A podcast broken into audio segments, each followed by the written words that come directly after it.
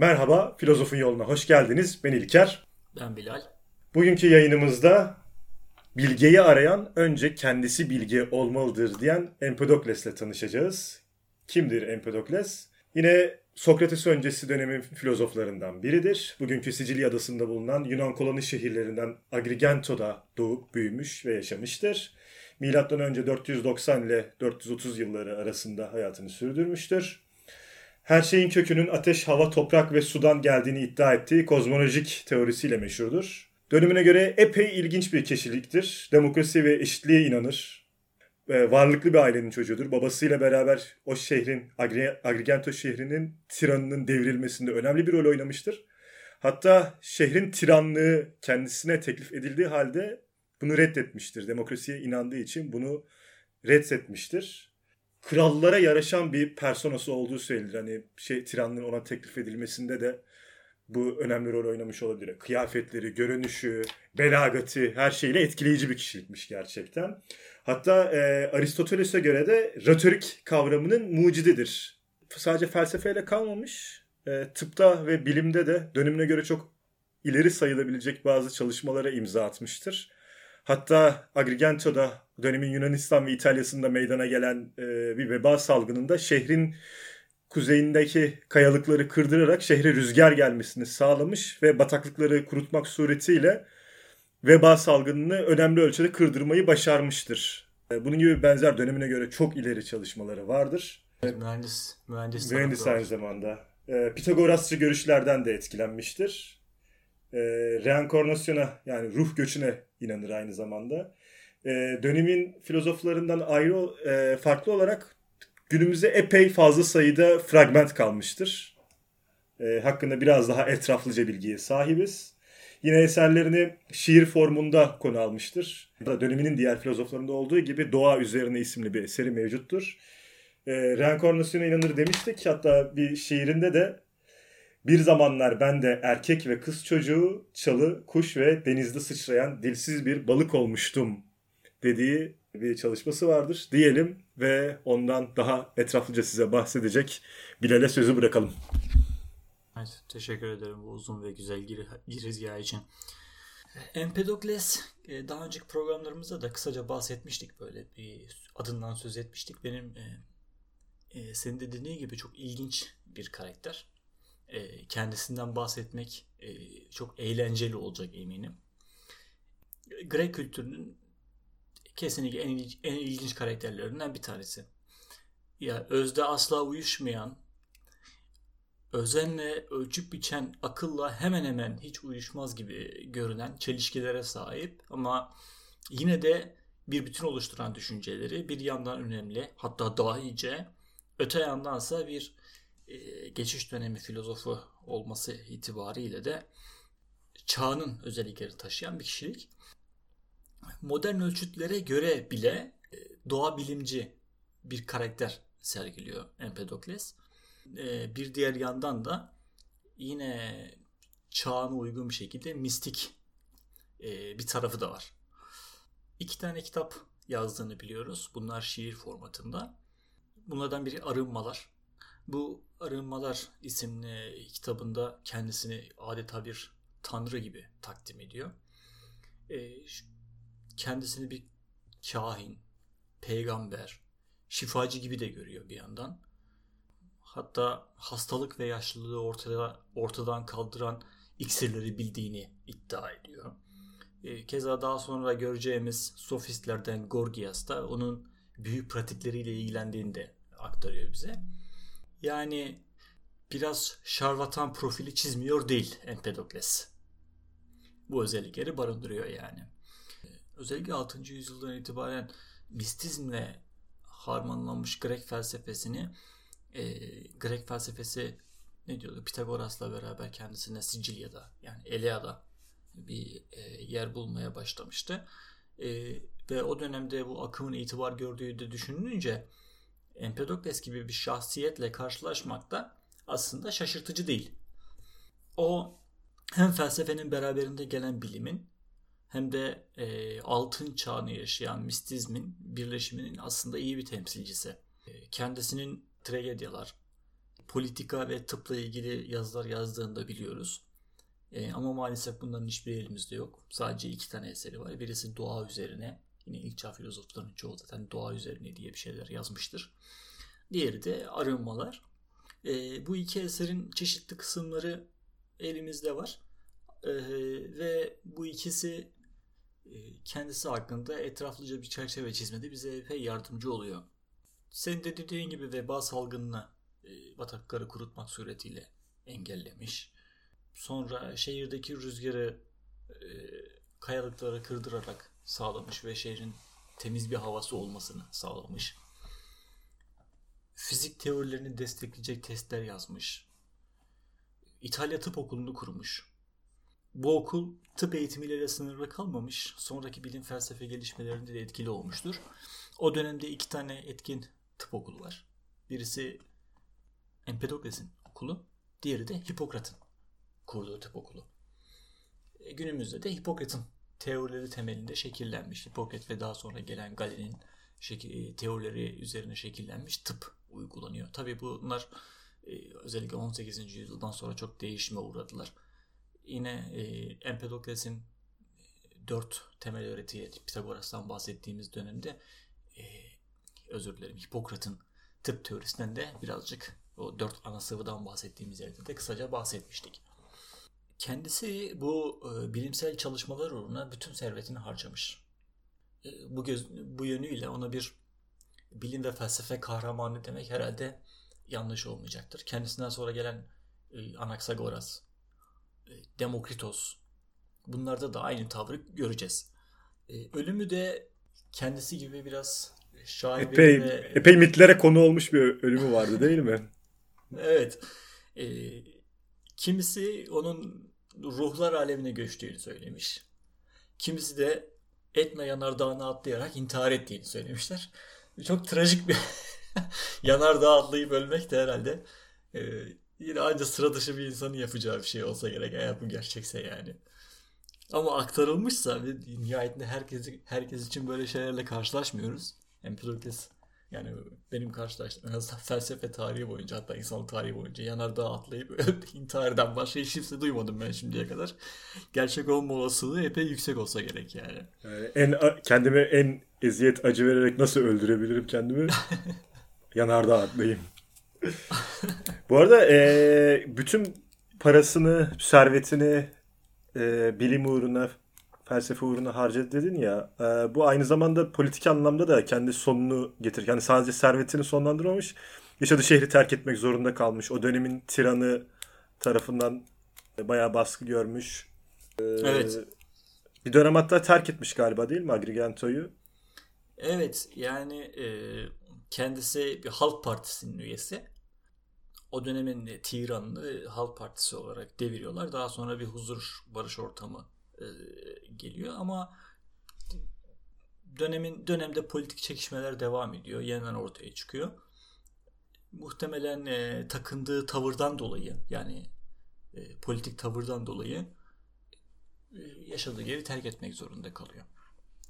Ve terk etmekle kalmıyor. Böyle e, masallara, efsanelere konu olan çok e, değişik bir ölümle hayatını sona eriyor. Empedokles'in metafiziğine bakalım. Ee, daha önce bahsettiğimiz Parmenides'in metafiziğini hemen hemen hemen bütünüyle kabul ediyor Empedokles. Yani, yani va- varlık ezeli ve ebedidir, değişmezdir, süreklidir, yok olamaz ve yoktan var edilemez. Evet ve birdir. Birdir. Boşluk evet. yoktur. Ee, kendi sözlerini dinleyelim. Bu varlığın ezeli ve ebedi olması ile ilgili. Daha önce var olmayan bir şeyin varlığa geldiğini, veya herhangi bir şeyin yok olabileceği veya tamamen ortadan kalkabileceğini düşünenler, düşünenler delidirler. Çünkü var olmayan şeyden herhangi bir şeyin doğması kesinlikle mümkün değildir. Ve var olan şeyin ortadan kalkması gerektiği de imkansız ve duyulmamış bir şeydir. Çünkü o nereye konulursa konsun orada var olacaktır. Yalnız eğer varlığa gelme zaten var olan şeylerin birleşmesi varlıktan kesilme, yok olma ise bu şeylerin birbirinden ayrılması olarak tasarlanırsa varlığa gelme ve var, ortadan kalkma mümkündür. Lego gibi düşünelim. Ya da niye Lego gibi düşünüyorsak yani aklıma nasıl geldiyse bu örnek bilemiyorum ama atom var yani. Lego daha gerçekçi bir örnek bu. Yani e, Empedokles'e göre göreli bir oluş ve bozuluş vardır. Keza daha sonra e, Aristoteles de e, metafizikle ilgili bu kısmın bahsettiği kitabına da e, oluşum ve bozuluşum kitabı diyecek. E, Empedokles'e göre de varlık tek bir şeyden oluşmuyor. Birden çok varlıktan oluşuyor. Yani bunun düşüncesinin temel dayanağı da bu. Yine kendisini dinleyelim neler diyormuş Empedokles. Ölümlü olan hiçbir şeyin ne varlığa gelmesi ne de her şeyi alıp götüren ölümle son bulması vardır.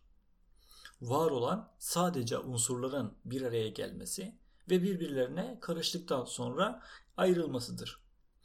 Ölüm işte şeylerin bu ritminin bir anına insanlığa taraf insanlar tarafından verilen bir addan ibarettir.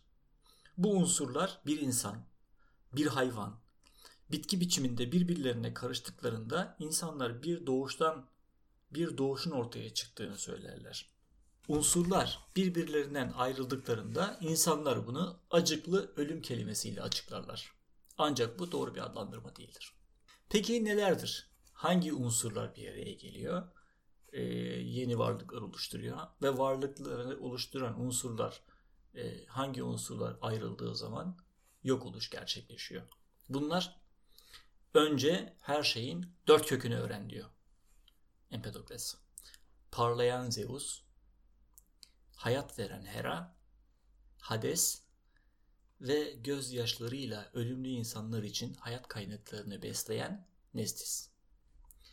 Burada parlayan Zeus ateşi, hayat veren Hera hava, Hades toprak ve gözyaşlarıyla ölümlü insanlar için hayat kaynaklarını besleyen Nestis de suyu temsil ediyor. Suyu temsil ediyor evet. Burada e, yine eski kendisinden daha önceki dönem filozoflarında sıkça karşımıza çıkan arke kavramına bir dönüş var ya da o temsili o geleneği tem devam ettirme çabası var o ya. felsefe geleneğinin devamı. Yani Arke'yi kim terk etmişti? Parmenides terk etmişti. Arke arayışına girmemişti. Varlığın bizatihi kendisiyle ilgilenmişti.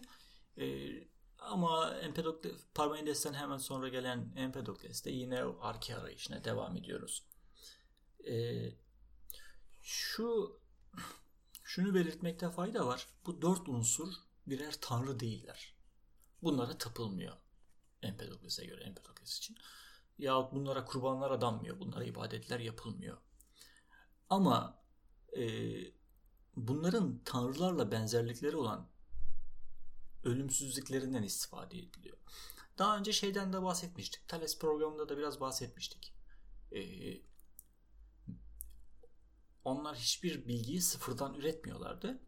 Daha önce mitlerdeki unsurları alıp felsefenin öğelerine dönüştürüyorlardı. Thales'teki su, Akeon, Okeon suya dönüşmüş ve varlığı oluşturmuştu. Burada da yine mitlerden faydalandığını görüyoruz. Ve e, bu unsurları tanrılarla özdeşleştiriyor. Tanrıların özelliklerini unsurlara veriyor ve varlığı bunlarla açıklıyor. Bunların da bir araya gelmesiyle yeni maddeler varlık oluşuyor. Ve dağılmasıyla da varlıklar, maddeler yok oluyor. E, kendisinden dinleyelim.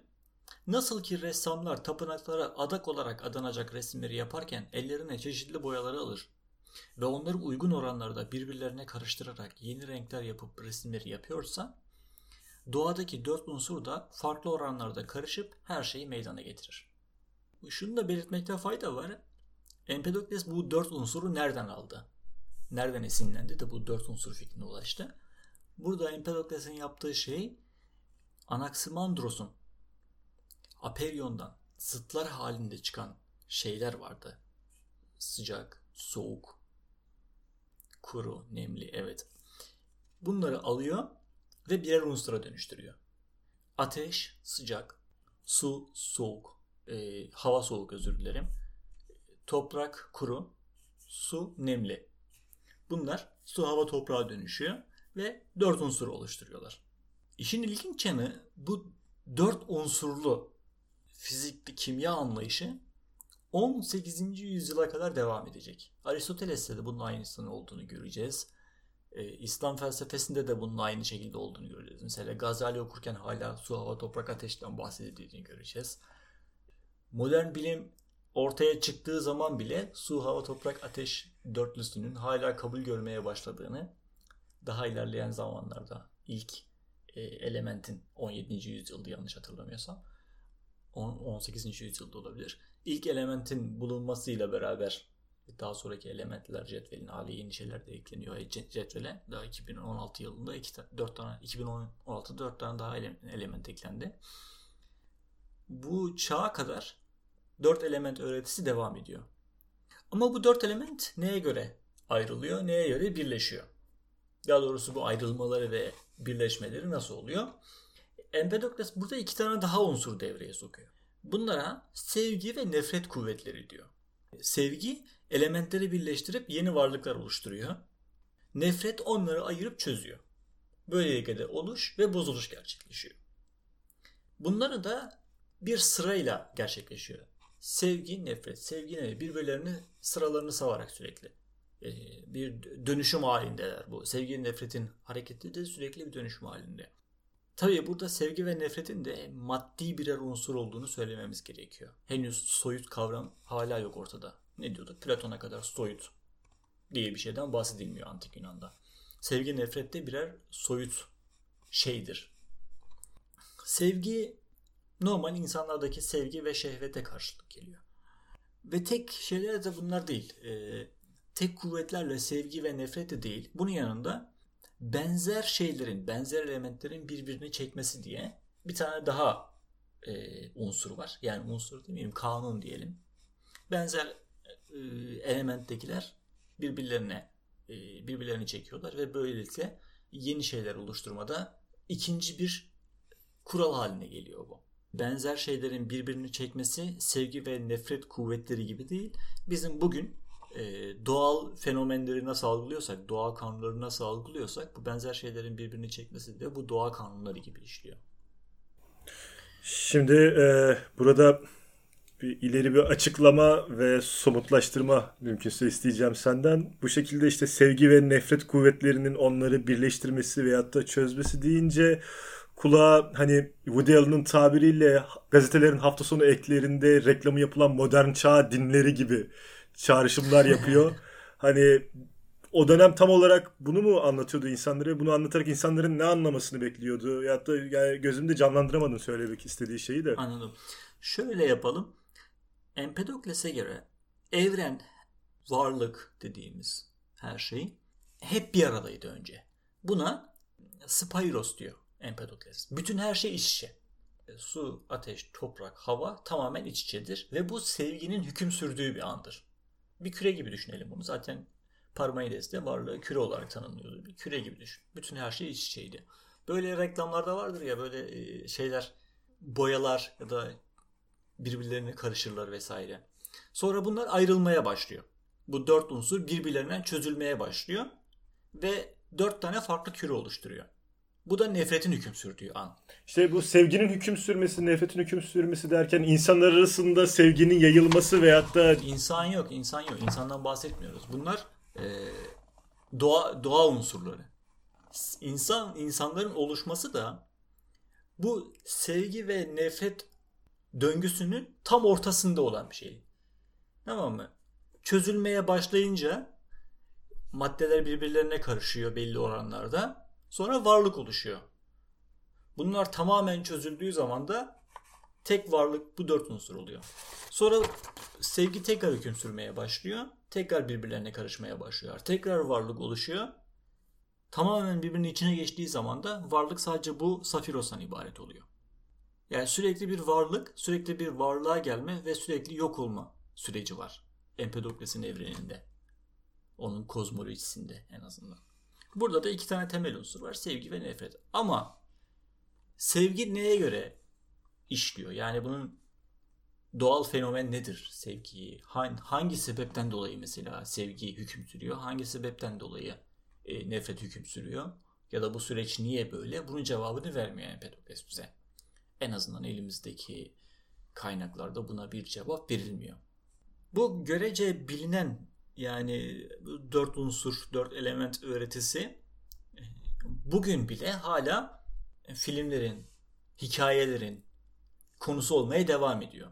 Hala dört element öğretisine inanan, gerçekten yaşayan insanlar da var.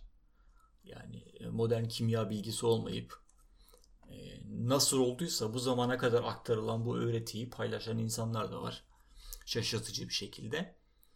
E, bunlara element, havanın bir element olduğunu düşünen insanlar var.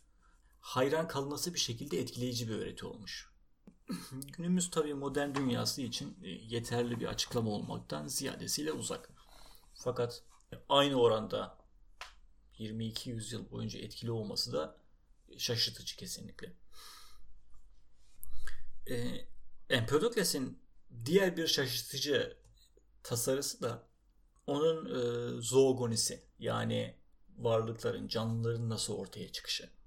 Ziyadesiyle özgün ve çoğu zaman garip de olsa şaşırtıcı derecede e, pervasız görüşüne göre canlıların uzuvları onun deyimiyle boyunsuz başlar, omuzsuz kollar ve alınsız gözler rastgele ortaya çıkıyor. Bunlar toprağın altından ortaya çıkıyorlar. Sonra bunlar mümkün olan bütün şekillerde birleşiyorlar. Mesela insan başlı öküzler, çift yüzlü, çift göğüslü varlıklar. Ve sonra kendilerini devam ettirme kabiliyeti olanlar üreyerek soylarını devam ettiriyorlar. Şeyler vardır ya, bunu en iyi hayal etme şeklin bu e, yaratılışçıların e, ara form dediği ucube canlılar oluyor ya. evet onlar öyle bir yarısı kanıt deniz, bekliyor. he, yarısı deniz yıldızı, yarısı unicorn falan olan böyle. E, enteresan canlıları bekliyor ya. Bir kanadı olan deniz yıldızı falan mesela. Yani diyorlar ki bana bir fosil getirin işte yarısı maymun olsun yarısı insan olsun. Bunu getirirseniz ben o zaman inanacağım diyor. evet. Ya buna benzer böyle e, enteresan canlıların ortaya çıktığını söylüyor Empedokles. Daha sonra bunlardan üreme kabiliyeti olanlar üreyerek soy oluşturuyorlar. Aristoteles tabi burada fazlasıyla rastlantıya yer olduğunu söyleyerek itiraz edecektir. Zaten Aristoteles'in kurduğu doğa biliminde de erek bilimsel bir doğa anlayışı vardır. Yani bizim bugünkü nedenselliğimizden çok farklı bir nedensellik anlayışı vardır. Ee, onlara göre Aristoteles için Aristoteles'e göre her şey amacına göre var olur. Yani organlar işlevleri açıklamıyor. İşlevler organları belirliyor. Buna göre e, biz gözümüz var olduğu için görmüyoruz. Görme diye bir şey olduğu için göz var oluyor. Yani bir amaca, her şey amacına göre açıklar. Dünyanın varlığı da iyi olmaktır diyelim. E, zaten felsefede hep iyi ararız. Empedokles'in canlıların nasıl ortaya çıktığı ile ilgili görüşleri de yani akıllı yürütmeyle ulaşılamayacak kadar komplike sonuçlar içeriyor zaten. Yani ulaştığı ne olursa olsun. Ya evet şimdi e, şeye aslında kıyasla bugünkü e, modern evrim düşüncesini düşününce ya acaba bunda evrimsel bir şeyler var mı diye insan sormaktan sormadan yani, edemiyor kendisini. Şu görüş benzer çağrışım yaptı sadece. Ee, hani dedin ya rastgele ortaya çıktıktan sonra bir, bir şekilde işte yarısı öküz yarısı insan şeklinde bir ton varlık ortaya çıkıyor. Günümüzdeki insanlar, günümüzdeki yani o zaman tarif ettiği insanlara veyahut da hayvanlara, canlılara benzemeyen bir takım canlılar ortaya çıkmış. Fakat bunların arasında soyunu devam ettirebilme kabiliyeti olanlar devam ettirebilmiş dedi ya. Bu sadece evet. doğal seleksiyon çağrışım yaptı. Yani Evet. Zaten şey de şimdi modern evrim teorisinde de ne diyorduk? İşte bundan 3,5 milyar yıl önce e, deniz dibinde, okyanus diplerinde, yanardağ kenarlarında e, oluştu canlılar, ilk canlılar. Bunlar milyonlarca defa yeniden yeniden oluştular ama üreme kabiliyeti yoktu.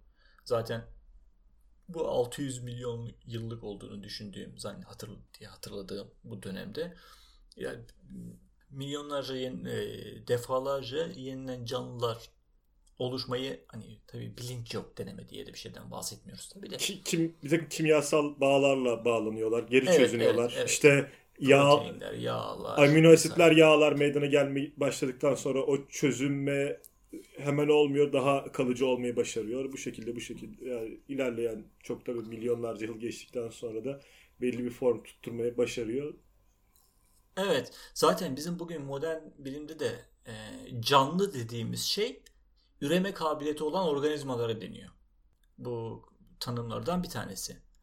E, Empedokles'in de bu tanımı yani neye istinaden, neden ilham alarak böyle bir görüşe varmış. Yani onun için mesela yani onun düşüncesi çok kaba e, bir düşünce tabii. Yer altından kol çıktığını söylüyor mesela. Kol giriyor tavuğa yapışıyor. Tavuk o kolla yaşayabiliyorsa tavuk oluyor. Yani ama hakkını vermemek de elde değil yani böyle bir e, dünya tasarlama konusunda Empedokles'e. Evet ya e, Empedokles her ne kadar hani bilimsel olarak e, nitelemesek de daha sonradan kanun olarak kabul edilecek işte enerjinin korunumu yasası, kimyasal reaksiyonlardaki sabit oranlar, teorileri gibi görüşleri önceleyen fikirleri de vardır aynı zamanda. Hani tam olarak bilim Evet. kabul edilmez çünkü bu sonuçlara deneme yanılma yoluyla değil akıl yürütmeyle ulaştığı için hani bu bilimsel gelişmelerin öncülü e, Empedokles'tir diyemiyoruz tam olarak ama hani ilginç Evet. benzerlikler de yok değil. Yani kullandığı yöntemler şimdi kendisinin bazı bilimsel deneyler yaptığını biliyoruz ama e, önemli olan deney değil zaten. Hangi yöntemi uyguladığı. Bugün bile özellikle bazı dindar kesimlerin yaptığı yaptıklarını iddia ettikleri deneyler var. Ama bu deneyler güvenilir olmaktan çok uzak. Kullandıkları yöntemler yanlış. Zaten özellikle 17. yüzyıla geldiğimiz zaman bir e, bilim ve felsefe yapma yönteminin arayışından bahsedeceğiz sürekli. Descartes'i Descartes yapan şey kullandığı yöntemdir. E, yoksa söylediği hemen hemen hiçbir şey yeni ya da çığır açıcı değildir yani Descartes'in. Ona Descartes'in şeyi hatır, Descartes'in şeyi hatırlıyorum ya. eee, hayvanlar insanlar gibi duyguları, sinirleri yoktur. Dolayısıyla onlara eziyet etsek bile onlar herhangi bir acı duymayacaktır. Şekli tarihsiz bir sözü de O- vardı. Onları hatta. robot gibi görüyor. Onları Hı hı. makineler gibi görüyor hayvanları. Hı hı.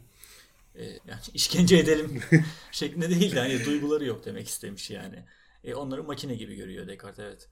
E, tabii o dönemde işte dediğimiz gibi bir yöntem, bilimsel yöntemden bahsedemediğimiz için günümüz anlamıyla ama o dönemin özellikle Aristoteles'e geldiğimiz zaman bugünkü bilim dediğimiz hemen her şeyin bizatihi Aristoteles tarafından kurulduğunu göreceğiz. Sınıflandırma sistemleri olsun. Onun biyolojideki hayvan sınıflandırmaları hala geçerli yani.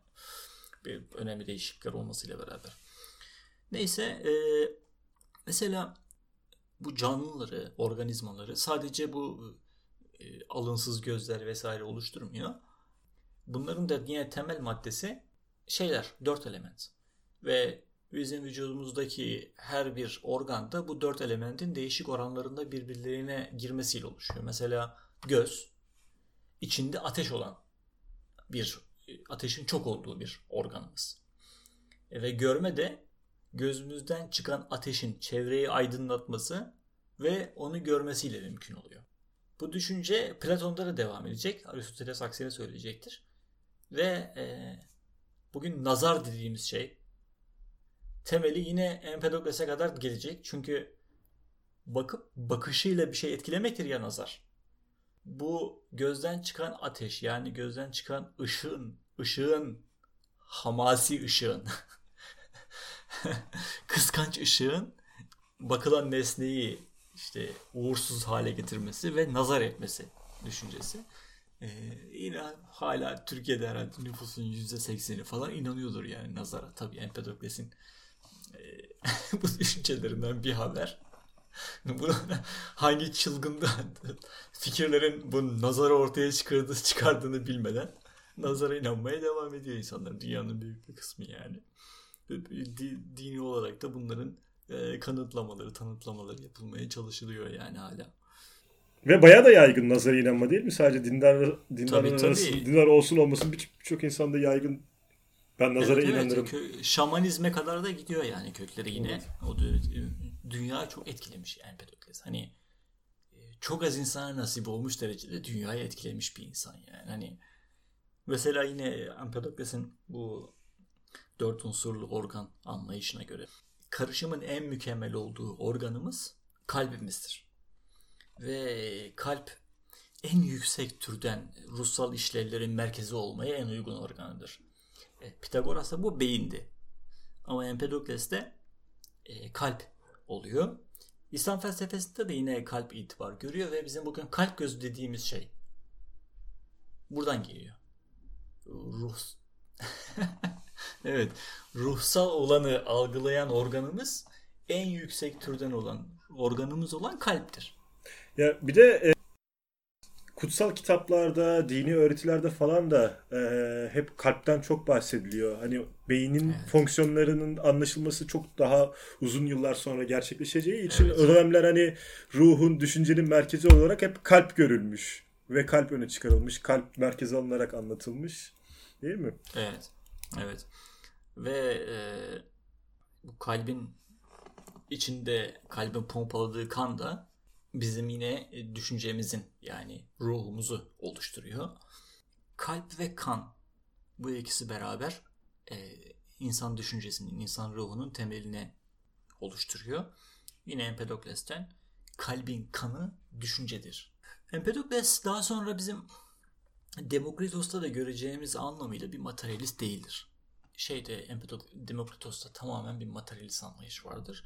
Ee, Empedokles'te de Empedokles de kendisinden önceki Yunan filozofları gibi hilozoisttir. Yani hilo madde, e, hilozoizm maddenin canlı olduğunu düşünme. Mesela o şeyin de canlı olduğunu düşünüyor. Bitkilerin de canlı olduğunu düşünüyor. Ama canlı organizma olarak bizim az önce yaptığımız canlı tarifine uygun bir canlıdan değil. Yani e, şeylerin de yani o madde canlıdır diye düşünüyor. Bunun bir formu da mesela animizmdir. Animizmde de doğada canlıcılık vardır. Mesela ırmak ruhu, ırmak canlıdır yani animizme göre. E, şeyde de hareket eden şey canlıdır. Daha önce bunu şeyde de görmüştük. Thales'te de görmüştük. Kehribar'ın canlı olduğunu düşünmesi, mıknatıs can, taşının canlı olduğunu düşünmesi gibi. Her şeyi düşünür. Haz duyar ve acı çeker. Empedokles aktarıyor. Bu yüzden de vejetaryen bir diyet uyguluyordu hatta değil mi? Hayvanların acı evet. çektiği düşündüğü için hayvanların kesilip yenmesine de karşıydı. Evet. Artık bir son vermeyecek misiniz bu iğrenç cinayetlere? Hissetmiyor musunuz birbirinizi parçaladığınızı gözü kapalı karanlıklar içinde?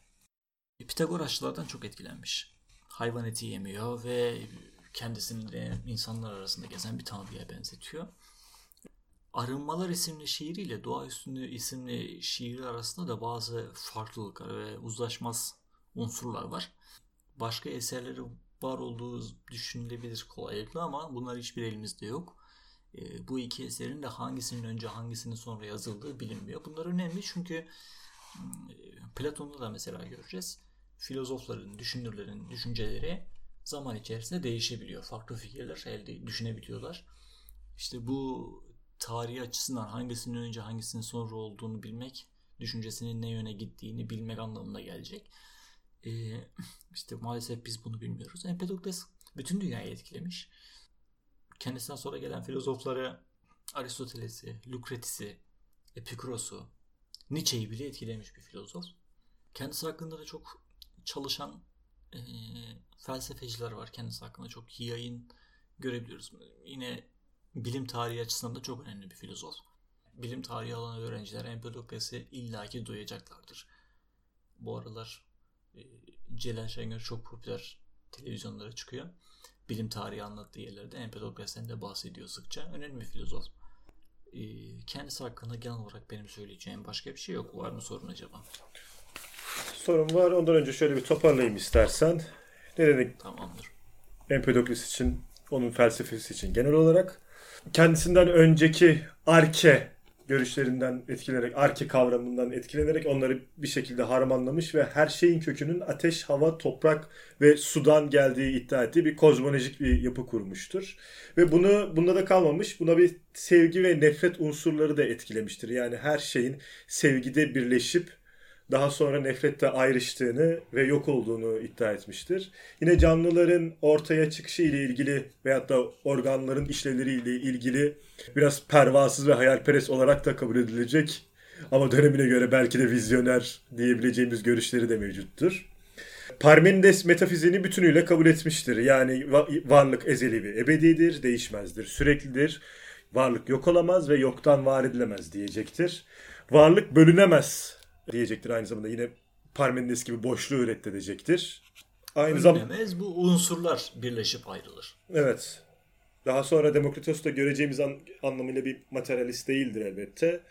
Ee, ondan önceki Yunan filozofları gibi hilozoisttir. Yani varlıkları e, canlılar gibi düşün. Varlıkları can bütün varlıkları canlılar gibi düşünmüştür. Onların da arzuları olduğunu, nefes alıp nefes verdiğini veyahut da acı duyup haz elde etmeyi, haz elde ettiğini düşünmüştür. Tam da bu sebepten dolayı vejeteryan bir diyet uygulamıştır. Evet. Ee, böyle bu şekilde özetleyebiliriz zannedersem. Şunu sormak istiyordum ben. Pitagorasçılığın etkisinde olduğunu ma- malum. Yalnız bu aynı zamanda mistik düşünceler de felsefesini veyahut da genel görüşlerini çok etki Bu mistik görüşlerinde Pitagoras etkisi sezdim ben sanki. O Pitagorasçı anlatılar, efsaneler de bir bağdaşlık kurdum. Bir o, o, şey, o, o yönde bir etkisi olmuş mu acaba?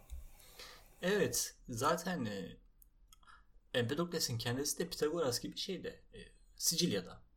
Yani Elea dediğimiz bölgenin bir yurttaşı. Ve e, o bölgede yine Pitagoras programında biraz bahsetmiştik. Homeros'un kurduğu dini sistem, sistem demeyelim de Homeros'un kurduğu dinlerin haricinde farklı kültler de söz konusuydu. Ve e, bu kültler felsefeyle tanışmaya başlayınca ister istemez yani doğal olarak Empedokles gibi yeni filozoflar yani mistik düşünceleri e, barındıran e, filozoflar da ortaya çıkardı. Bu mistizmin esas kaynağı da Hint'tir. Ruh göçü öğretisi başta olmak üzere. Hı hı. E zaten Pitagoras yanlış hatırlamıyorsam değil mi? Hindistan'a bir dönem gitmişti. Oradan bazı düşünceler ödünç almıştı Onun diye hatırlıyorum. Doğrudan Pitagoras'ın Hindistan'a gidip gitmemesini bilemiyorum. Hatırlayamıyorum. E, çünkü yani işi gücü olmayan bir insanın yani tüccar diyeceğimiz bir insanın tüccar olmayan bir insanın Hindistan'a gitmesi o dönem için pek şey değil. Kolay kabul edilebilir bir şey değil. Onun Mısır'la ilişkisi olduğunu biliyoruz Pitagoras'ın. E, düşününce herhalde o çağda şeye Hindistan'a gitmek en azından birkaç yıllık bir gezi anlamına gelecektir yani. Sağ salim gitmek de yine en önemli koşullarından biri olsa gerek. Ama metinlerin aktarıldığını biliyoruz. Bunu mesela İslam felsefesinde gördü, İslam felsefesini işittiğimizde de çok görürüz. Nereye geliyor?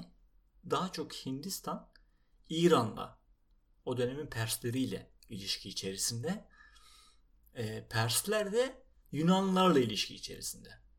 Öyle bir aktarım söz konusu. Zaten yine İslam'da da göreceğiz. Brahmanların e, berahimeler olarak İslam'da, e, İslam kültüründe tanıştığını göreceğiz. E, kültürel bir etkileşim söz konusu. Nihayetinde yazı var, e, matematik var, bilim var belirli ölçüde pratik amaçları olan bugünkü modern bilimden uzak da olsa e, kültürleri bir şekilde birbirlerini etkiliyorlar. Sadece ticaret değil savaş da bu kültürleri etkiliyor. Mesela İskender'de yine bunu göreceğiz. Büyük İskender gittiği her yerde karakollar kuracak, garnizonlar kuracak. E, bu garnizonlar aynı zamanda birer kütüphane kurulacak. Bu, bu kütüphanelerde kütüp kütüphanelerin oluştuğu garnizonlar bulunduğu bölgenin bilim merkezleri haline gelmeye başlayacak. Ta ki sınırları Hindistan'a kadar gideceğiz. Ama Empedokles daha erken bir dönemde yaşamış bir filozof.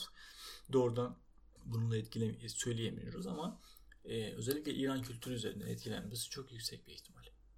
Şeyleri hatırlatalım tekrar programımıza hani podcastlerini yeni açan dinleyicilerimiz için. e, Podcast'i de buradan itibaren açmaya başladıysa Sizi tebrik ediyoruz öncelikle. e, programlarımızı eğer bütünlüklü bir felsefe öğrenmek istiyorsanız sıra numarasıyla takip etmeyi unutmayın. E, programlarımız zaman içerisinde değişiyor. İlk programları biraz daha sıkıcı gelebilir size. Bundan sonraki programlarda bundan daha iyi olsun, daha iyisini yapmaya çalışacağız her zaman. E, bizi takip etmeye devam edin diyelim. E, sonraki programımızda görüşmek üzere. Esen kalın.